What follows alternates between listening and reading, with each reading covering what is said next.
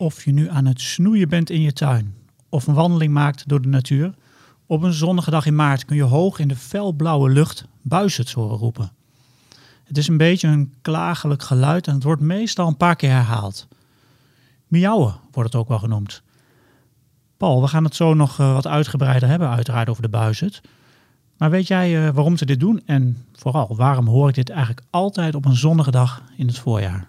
Ja, het is nu uh, ideaal weer op dit moment ervoor om het te horen. En als je in de buurt van uh, weilanden woont waar buizerds uh, veel jagen, dan, dan zal je dit de komende dagen meestal zo tussen een uur of elf en twee uur s middags gaan horen. Want dan krijgen de buizerds het op hun heupen en de opstromende lucht door de zon. De zon warmt de grond op. Daardoor gaan ze omhoog uh, zweven en dan gaan ze het geluid maken. Waarom ze dat doen is uh, omdat ze daarmee het territorium uh, afbakenen wat ze hebben. Ze maken dus contact in de lucht met elkaar. En als het mannetje en vrouwtje elkaar op een gegeven moment in beeld krijgen, dan als je een beetje mazzel hebt, gaat het mannetje hoogte winnen. En dan gaat hij enorme duikvluchten maken om indruk te maken op dat vrouwtje. En ondertussen maakt hij dan dat geluid, dat miauwende geluid. En uh, ja, het is echt fantastisch om, uh, om te zien. Dus uh, mocht je dat horen de komende dagen, kijk even omhoog. Probeer ze, als je een verrekijker hebt, in beeld te krijgen. Want ze maken soms spectaculaire capriolen. Ja, mooie, mooie geluiden maken ze ook. En het zijn er, het zijn er bijna altijd een paar, hè?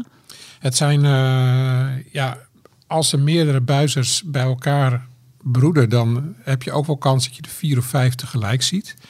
Maar over het algemeen zijn het er natuurlijk twee, is het een paar. En dan uh, maken ze contact met elkaar door dat geluid te maken. En dan zie je dus het mannetje uh, die balsvluchten uitvoeren. Maar je kan ook zeker hebben als er meerdere bij elkaar zitten, wat je steeds vaker hebt, want het buizen neemt toe in Nederland nog steeds. Dat je, dat je er misschien wel vijf of zes in één uh, zo'n thermiekbel ziet. Dus dat is echt heel spectaculair. Nou, we gaan snel naar buiten om te luisteren naar de buizerd.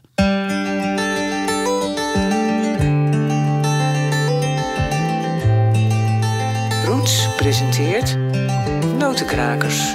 De vogels fluiten buiten, wil je weten wie ze zijn? Kom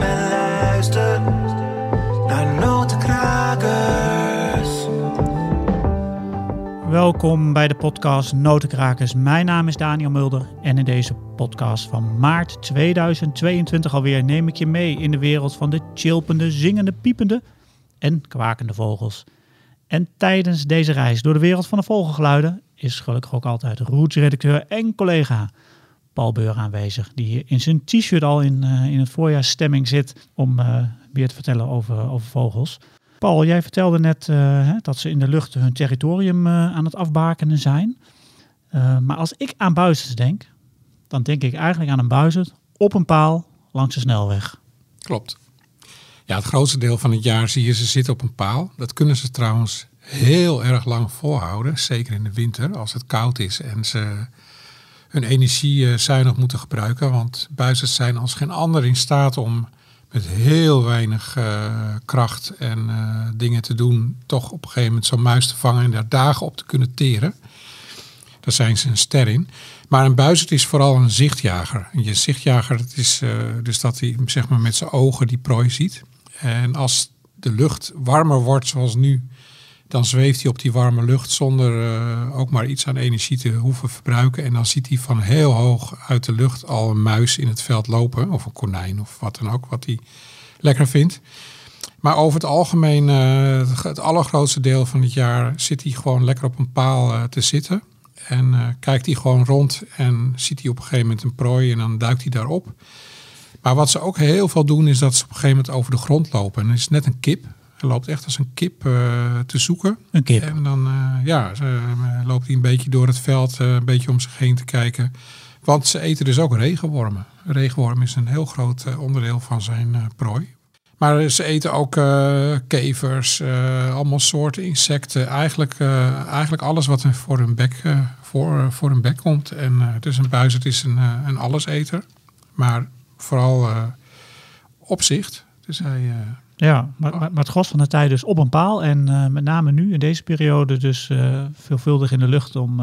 Ja, klopt. Zolang het, de zon schijnt en de, de lucht warm is en hij daarop kan zweven zoekt hij vooral eh, vanuit de lucht naar prooi.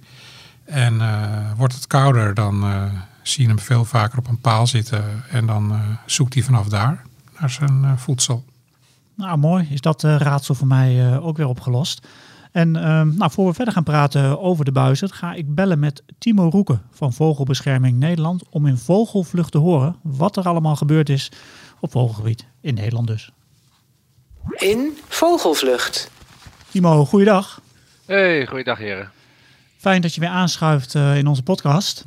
Ja, ook altijd fijn om weer aan te schuiven. Zeker met dit eh, mooie weer. Die citroenvlinders die vliegen alweer door de tuin. Dus daar word ik wel vrolijk van. Ja, zeker. Die, die dwarrelen overal door de lucht. Eh, ik zag ze gisteren ook Ja. tijdens een ommetje wat ik aan het maken was.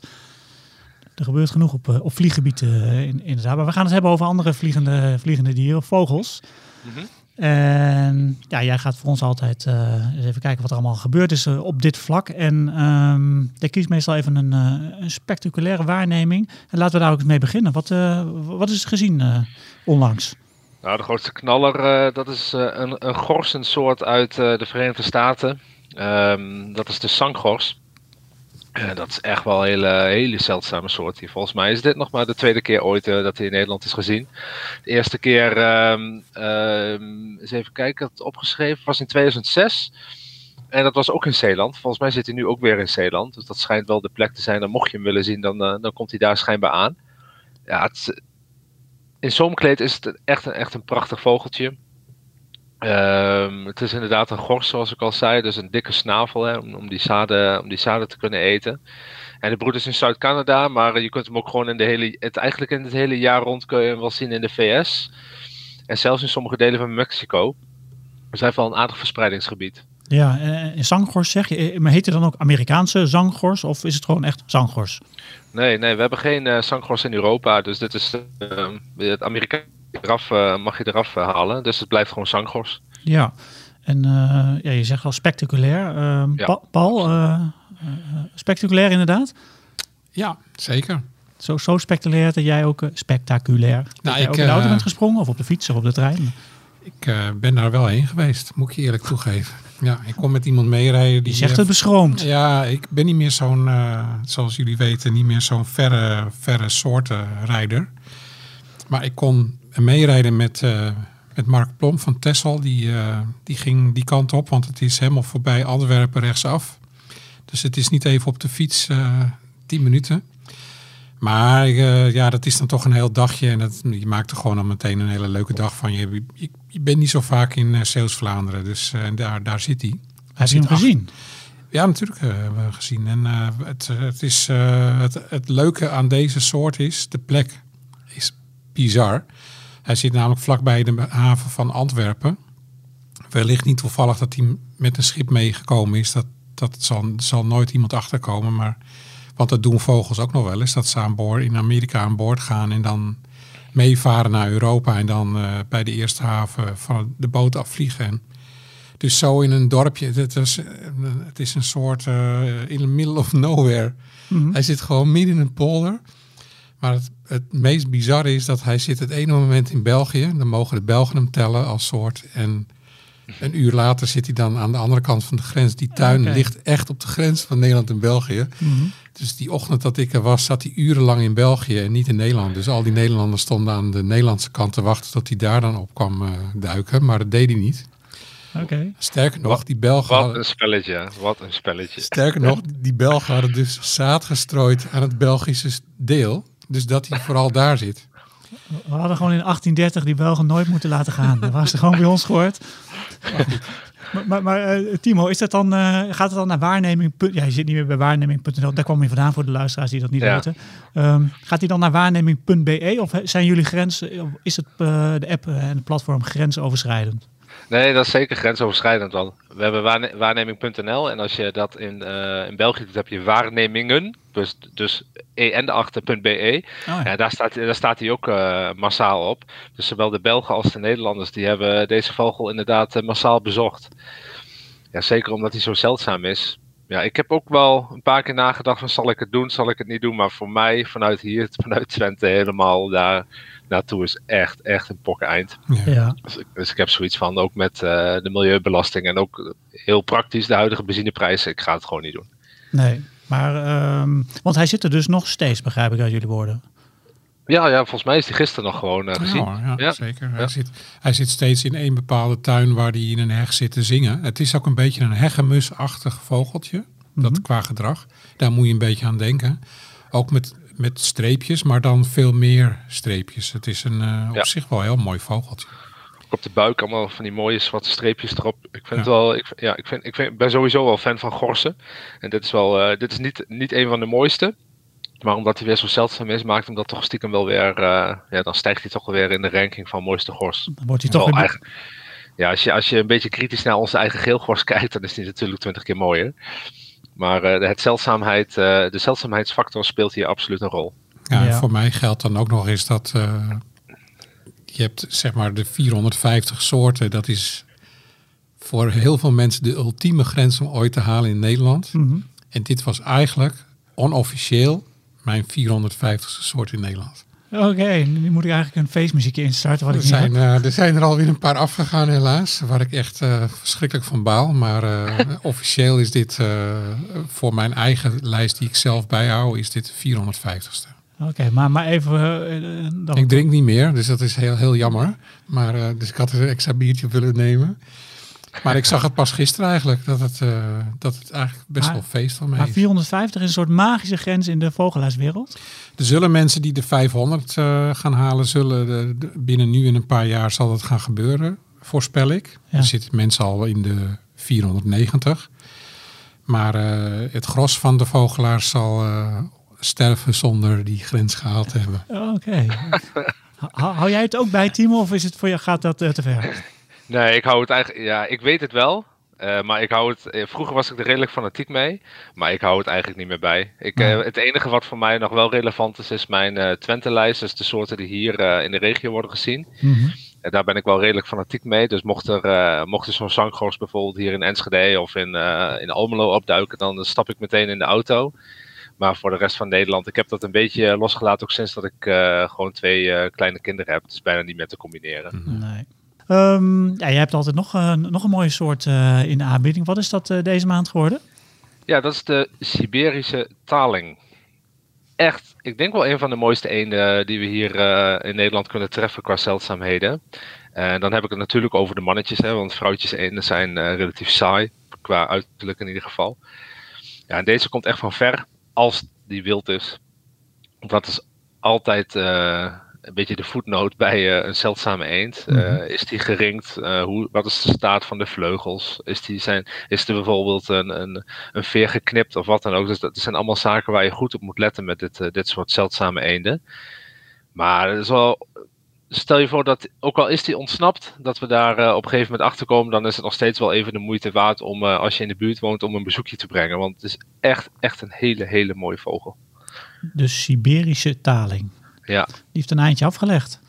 ja, ja zeker. Ja, die, Ja, we zeiden al komen- tegen elkaar, hij is waarschijnlijk ook gevloegd voor, eh gevlucht voor Poetin. Ja, ja dat, ik weet niet in hoeverre ze de invloed van eh, Poetin eh, merken bij eh, dat eh, meer van Baikal, of hoe heet dat? Dat is zo Ja. groot, Ja, zo ver. Ja, precies daar. eh, ik, ja, Daar komt hij oorspronkelijk vandaan. Daar komt hij vandaan. zo immens. Ja, daar komt hij vandaan, ja. En ze overwinteren in China in enorme aantallen.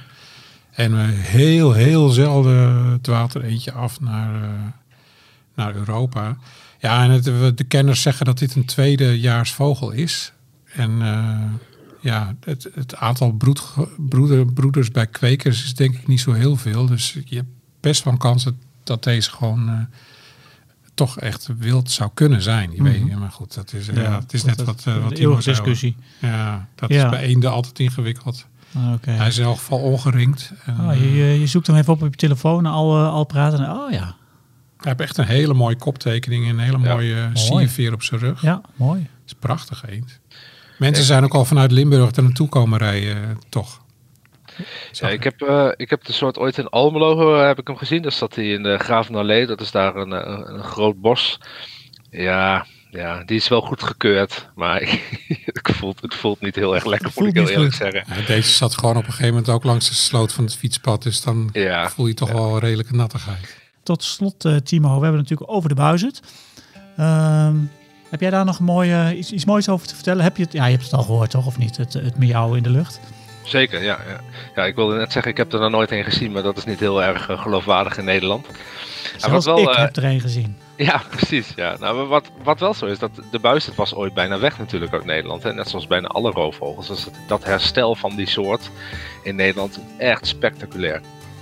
En Oh. ehm, ja, Ja, nee, ik, wou, ik wou nog even vragen. We hebben hier een beetje een discussie over het geluid eh, van de buizen. Straks komt Henk Mhm. Meeuws nog aan het woord. En die heeft er een bepaalde een mening over, om maar te zeggen. Eh, wat vind jij ervan? Van dat miauw? Vind je dat, eh, past dat bij de buizen? ja, ik vind het zeker zo in het voorjaar. Hè, dan als ze weer met elkaar die balsvluchten gaan doen. En dat, dat geluid wat er dan bij komt kijken. Ik vind dat, ja, ik krijg er altijd wel een warm gevoel van. Hartelijk dank voor, voor je bijdrage deze keer weer. En we, en we spreken jou volgende maand. Je hoorde Timo Roeken, die werkt bij Vogelbescherming Nederland. En hij eh, vertelt iedere maand wat er allemaal voor bijzondere soorten in Nederland eh, worden gezien. En dit keer was dat dus de zanggors helemaal uit Amerika. En aan de andere kant eh, hadden we ook nog een Siberische taling die kwam aanvliegen naar Nederland. Dus van alle kanten komen de vogels eraan. De mooie vogelgeluiden die je hoort in notenkrakers komen van de app Bird Sounds Europe. Henk Meeuwse, die ook voor ons Vogelmagazine schrijft over vogelgeluiden, heeft veel van die geluiden voor de app opgenomen. En achter deze geluidsopnames schuilen mooie verhalen. En daarom heb ik met Henk afgesproken in de Kronenmijnen bij het Gelderse Neerse om te luisteren naar zijn verhaal achter het geluid van de buizen. En een kleine spoiler alert, het heeft iets te maken met een wasmachine.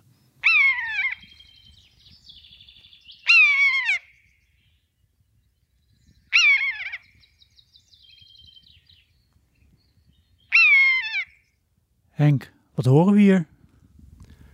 Als ik dit geluid hoor, dan denk ik altijd aan mijn wasmachine. Of andersom. Soms hoor ik mijn wasmachine en dan denk ik aan, aan een buizerd of aan welke roofvogel dan ook. Aan je wasmachine? Ik, ben, ik moest even, ik dacht even, hij gaat nog iets zeggen of zo, maar wat voor wasmachine heb je eigenlijk? Ik weet niet, misschien geldt voor alle wasmachines. Nou, heel simpel gezegd. Van een roofvogel verwacht je een degelijk geluid. Zoals een leeuw brult. Of, eh, het zijn roofvogels, verdorie, eh, eh, steenarenden, zeearenden. Mijn wasmachine die kan gigantisch keer gaan als je staat te centrifugeren. Als je staat te wassen, dan hoor je echt geluiden van je denkt, nou dit hoor bij een wasmachine. En als je dan even iets kwijt wil, ik druk op een knopje van het programma, dan hoor ik alleen maar piep, piep, piep. En dat vind ik van die roofvogels ook. En die buizen het ook. Dan denk verdorie, je bent een soort bijna de koning van de, van de vogels. En waar kom je mee? Met gepiep. Dat kan, ik, er- dat kan er bij mij nog steeds niet in. Verdorie, je hebt kleine vogeltjes die een veel dieper en mooier geluid... Een roerdomp. Pak dan het geluid van een roerdomp bijvoorbeeld. Dan kun je mee thuiskomen. Maar dat gepiep van die roofvogels, ik heb het nooit helemaal begrepen. Henk, nu kan ik nooit meer naar een buis kijken zonder dat ik denk aan een wasmachine. Dat vind ik helemaal niet leuk, want ik vind een buis best wel een imposante vogel. Het is natuurlijk een imposante vogel. Ik steek er een beetje de draak mee. Maar ik vind het wel wonderlijk dat die, dat die grote, machtige vogels... die dus ook het, een lichaam hebben, het volume om een, om een mooie klank eh, tevoorschijn te toveren... dat die met zo'n eh, toch vaak wel een hoge toon komen. En, en eh, dat heeft vast... dat is nou, misschien iets voor, voor Paul om even uit te zoeken... Van waar zit hem dat in? Het heeft misschien iets te maken met, met het verdragen van het geluid. Hè? Want dit geluid, je, je ziet zo'n het overvliegen of met z'n tweeën tijdens de bals, eh, een duikvlucht, allemaal hartstikke mooi om te zien. En dan hoor je ook wel deze, deze roep. Ehm, maar ja, het is niet de spectaculaire roep die je eigenlijk verwacht van een roofvogel. Ja, maar even los van het geluid eh, van de associatie met een wasmachine. Wat hoor je nog meer als je dit hoort? Nou, ik hoor mooi weer. Ik, eh, die bals, die, die, de thermiek. De, ze, schroeven, ze schroeven omhoog op de thermiek om dan een duikvlucht te kunnen maken. Of, of tijdens het trek. Eh, volgens mij maken ze het geluid dan ook wel. Dat weet ik niet helemaal zeker. Maar het is een... ehm, het wordt door mensen vaak een beetje eh, omschreven als, als miauwen. Daar heeft natuurlijk veel van weg. En waar ik een beetje over twijfel... Ik heb ook een keer een opstaan nemen die niet van mij gediend was. En die maakte ongeveer hetzelfde geluid. Waarbij je kunt denken van, goh, oh heerlijk. Voorjaarsgeluid, lentegeluid, balsende buizerd. Maar hij, het klonk iets anders, iets meer afgemeten, iets meer eh, steeds hetzelfde. Wat sneller herhaald, onrustig. Dus die buizerd heeft eigenlijk dat, dat ja, om het nog één keer oneerbiedig gepiep te noemen, maar dat, dat miauwende geluid zet hij in voor eh, verschillende doelen. En volgens mij dan steeds eh, net iets anders. Ja, je hebt natuurlijk altijd vaak een mooie herinnering hè, aan, een, aan een geluid wat je opneemt. Heb je bij een buis nog een specifieke herinnering dat je het geluid opnam? Eh, ja, ik heb ehm, ja, op een hele onverwachte plek eigenlijk. In Groningen, helemaal geen bos, hele uitgestrekte akkers. Daar heb je van die boerderijen met toch wel rijk groen eromheen. En de uitgestrektheid van die akkers is, is voor die buizers net zo veilig als een besloten bos. Dus ik fiets daar gewoon met mijn, met mijn microfoon. Ik was nog niet zo lang bezig in de buurt van Hongerige Wolf. En er komen twee buizers uit een, uit een dikke den die bij zo'n boerderij staat omhoog gevlogen. Waarschijnlijk hadden ze daar gewoon een nest. Dus op boomtop hoogte waren die beesten aardig uh, tekeer aan het gaan. En dat heb ik meteen uh, op kunnen nemen. Nou, dat heb ik eens nooit vergeten. Echt een van de eerste jaren dat ik, uh, dat ik opnames maak. Want een buizer, balsend, toen had ik nog geen parabool. Toen had ik een stereomicrofoon. En dat is heel mooi, heel ruimtelijk. En een stille omgeving als Groningen, Groningen kun je daar een hele mooie, mooie opnames maken. Maar een buizerd heel hoog in de lucht. Ja, dan pak je met die uh, rondom gevoelige microfoon zoveel ander geluid op. En dan heb je echt een parabool nodig. Maar ja, ik was toen heel blij met die buizers vlakbij me. En ze bleven maar roepen. Ze vlogen uiteindelijk wel weg. Maar ze hebben heel wat uh, geroepen. En ik heb daar uh, mooie opname kunnen maken. Je noemde net even het plaatsje hongerige wolf. Dan, dan heb ik gelijk een andere associatie met het woord uh, wolf. Na, namelijk de wolvenfilm die is verschenen. Ik zag jouw naam op de aftiteling voorbij komen. Jij neemt ook vaak leef geluiden aan films aan. Heb je wel eens een buis opgenomen voor een film? Uh, ja, dat moest soms uh, heel specifiek.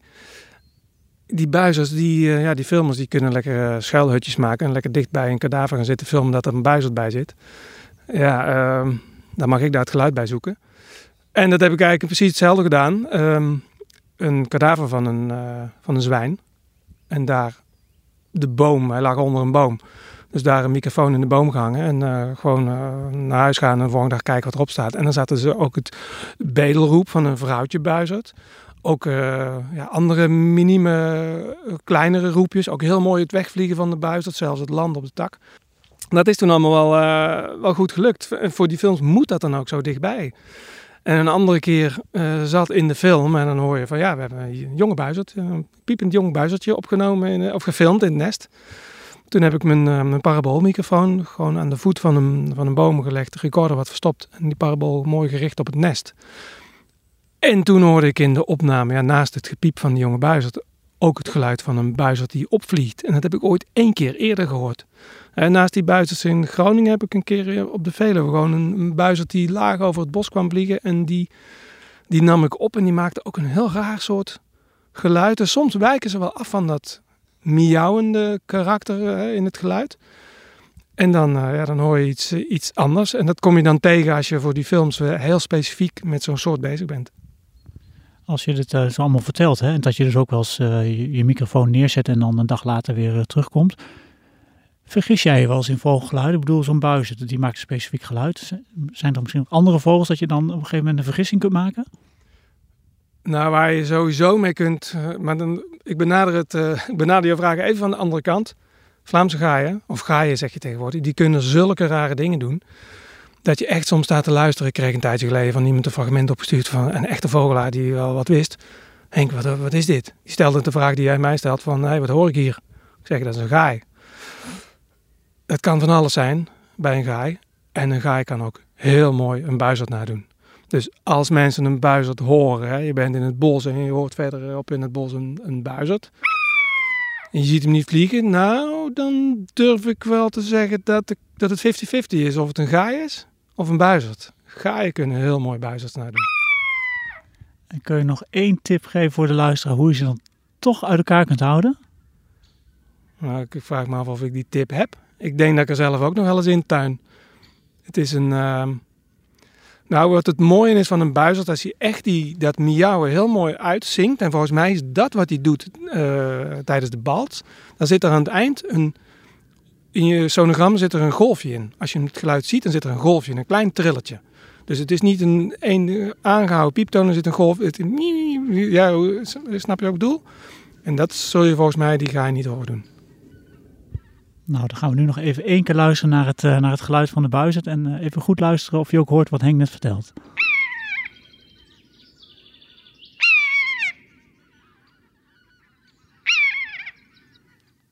Je luisterde naar Henk Meeuwse En Henk is, eh, die is de man achter de app Bird Sounds Europe. Waarin maar liefst 436 Europese vogelsoorten zitten met hun eh, geluiden. En Henk vertelde net in de, in de reportage, die we iets eerder hadden opgenomen al, over de film Wolf, waarvoor hij geluiden heeft opgenomen. Die film eh, die is echter uitgesteld vanwege eh, corona toen nog. En eh, die film zal medio september verschijnen. Voor we verder gaan praten over de buizen, even nog, nog twee huishoudelijke mededelingen. Ehm, Paul Henk had het over het hoge geluid hè, van een buizerd. Ja. En ja, hij vond het misschien niet zo heel machtig klinken. Maar enig idee waarom het geluid eh, niet wat stoerder klinkt? Of hebben meer roofvogels dat, eh, dat, dat hoge miauwende geluid? Ja, dat is natuurlijk een hele persoonlijke mening van Henk. Eh, ik zelf vind het toch wel, ja, ik vind het toch best wel een beetje, een beetje indrukwekkend geluid. Zeker, nou, zelfs wel een beetje angstwekkend. Wat dat gemiauw, zeker als ze het flink aanzetten. Maar wat hij bedoelt, denk ik, is eh, dat, eh, kijk, hoge geluiden dragen gewoon echt ver. En dat is gewoon het bedoel, de bedoeling van een buizerd. Hè? Dat is het territorium uitzet. Eh, los van het feit dat hij dat geluid natuurlijk maakt als hij vliegt. Dus dat is toch dan, ja, ik weet niet, als wij zouden vliegen, zouden we ook wat hoger klinken, denk ik zomaar. Ik heb Ja. het nog nooit geprobeerd, maar, maar het, eh, ehm, het is wel zo dat buizers zeg maar eh, veel geluid maken in deze tijd. En dat hoor je eigenlijk bij heel weinig roofvogels. Dus roofvogels zijn sowieso eh, relatief zwijgzaam. Ja, Kijk- zwijgzame types eigenlijk. Hè? nou ja, kijk maar eens in een vogelgids. Bij, bij arenden en andere roofvogelsoorten. Vaak staat er bij geluid, dubbele punt, zwijgzaam.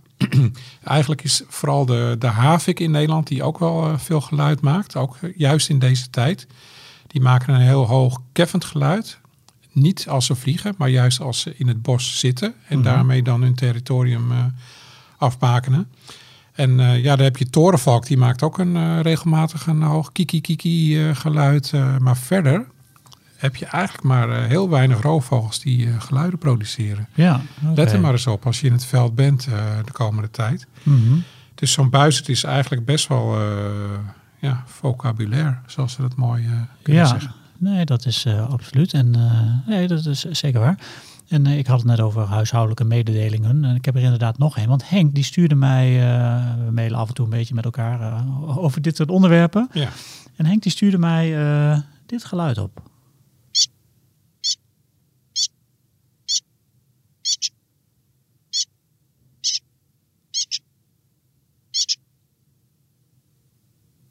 Jij weet wat dat is, hè? Nou, ik weet toevallig waarover de column ging natuurlijk, omdat ik zelf het Vogelmagazine samenstel. Dus ik weet dat dit een jonge grasmus is. En eh, ja, wat veel luisteraars nog niet weten is dat Henk is best wel, die heeft een, eh, een blanke pit, maar ook een gevoelig, eh, gevoelig, eh, Gevoelige man. het is toch ook wel een hele gevoelige man. En hij vond dus op de weg een jong grasmusje. En wist in eerste instantie even niet wat daarmee te doen.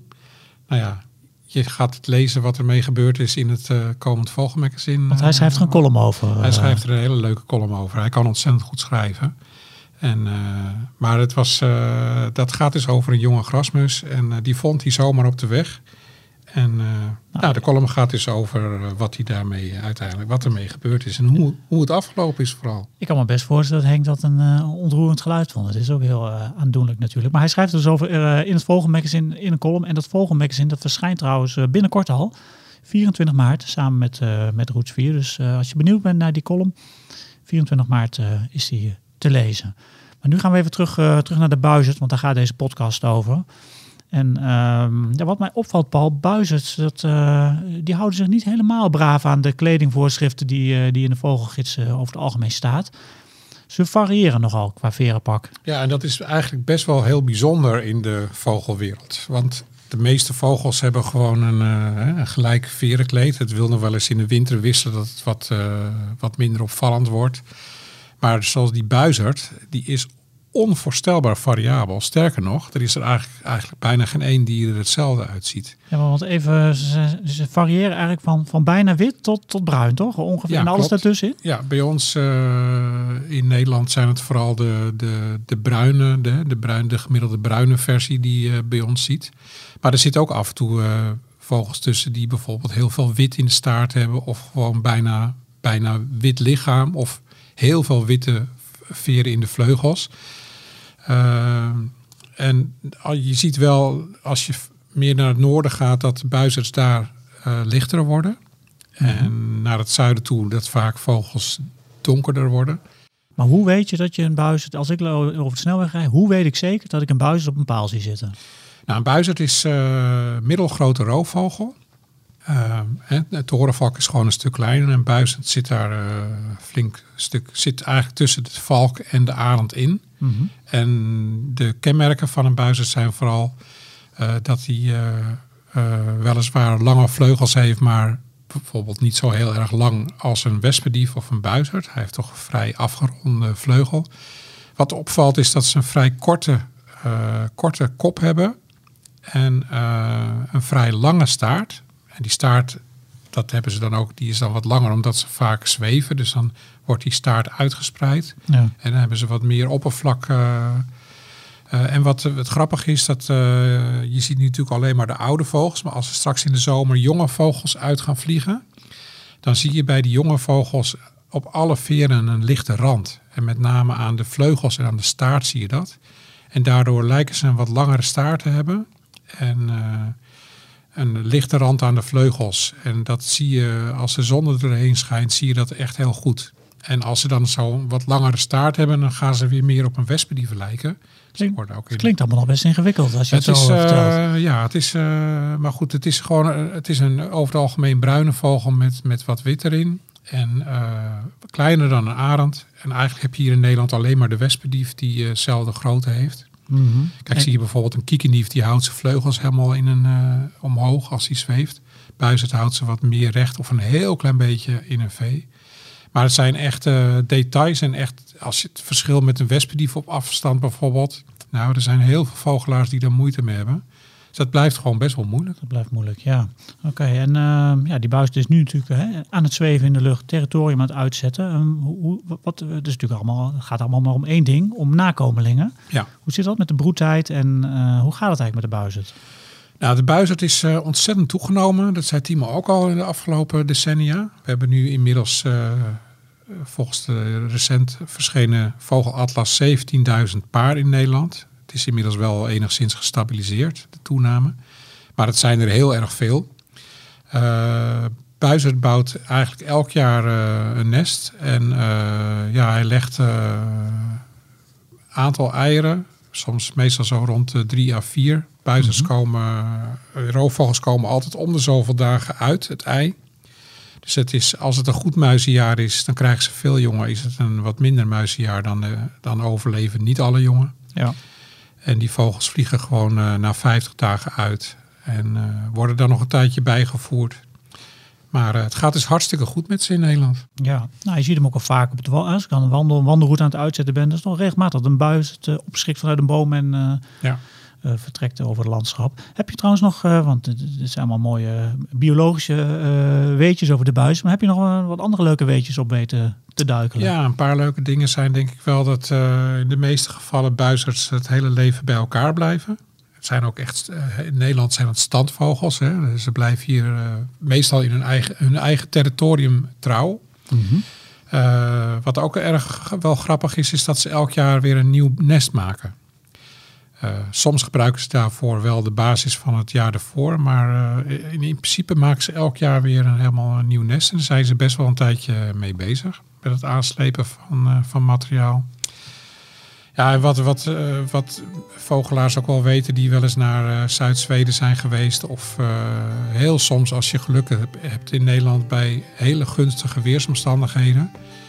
Dat vooral in het najaar je soms echt op één dag wel uh, 10.000 uh, buizers op een dag voorbij zien kan trekken. En dat ze in uh, Israël, Eilat met name, Zuid-Israël, waar veel buizerds, dat met name dat is de oostelijke ondersoort, steppenbuizerd, soms in aantallen van 500.000 op een dag gezien zijn op hele goede trekdagen. En dan besef, ja, dan besef je pas hoeveel er eigenlijk broeden in Oost-Europa. Dat zijn er nog veel meer dan bij ons.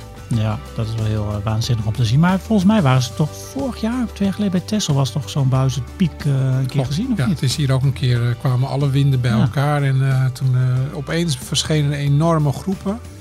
Ja, echt duizenden zijn er toen op één dag gezien. Nou, dat maak je hier echt, echt eens in de zoveel jaar maar mee. Dat is echt heel bijzonder.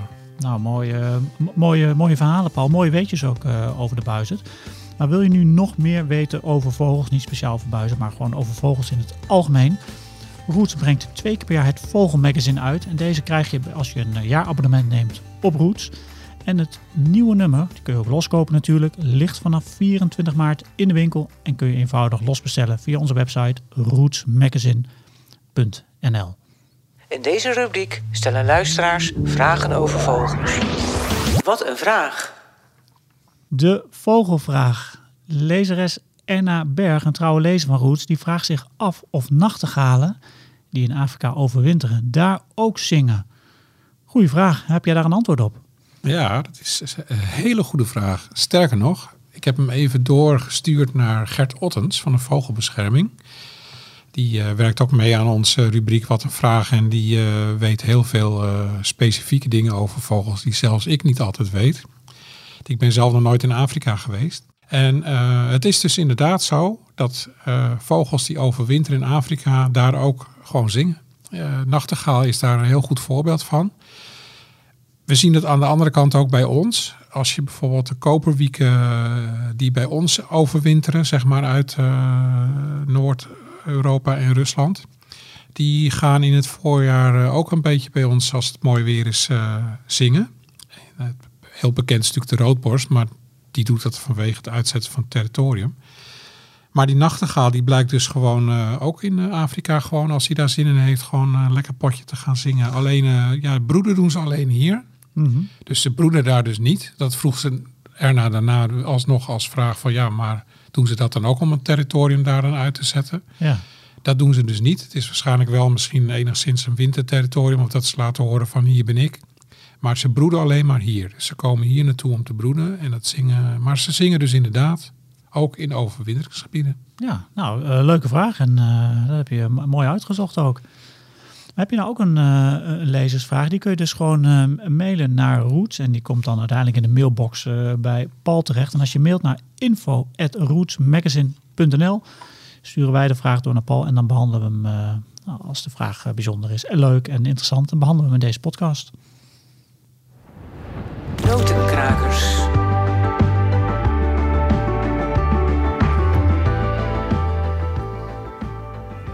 De geluiden die in deze app hoorde, die komen van Henk Meeuwsen. En die heeft een mooie app ook. En die app heet Bird Sounds Europe. En die staat boordevol vogelgeluiden. Is echt de moeite waard.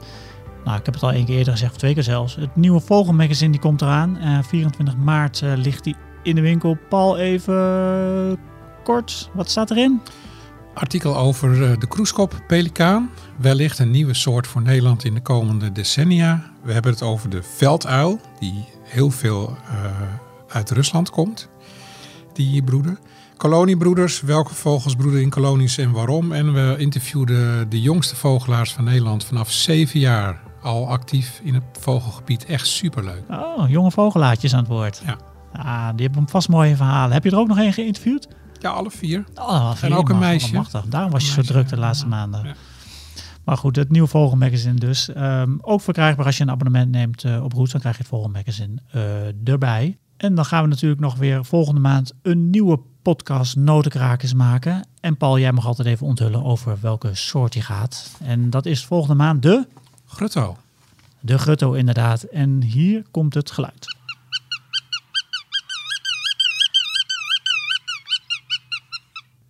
Leuk dat je luisterde naar onze podcast Notenkrakers. En let de komende dagen goed op of je buizers in de lucht eh, hoort miauwen. Want het is er echt het weer voor en het geluid is gewoon ronduit spectaculair.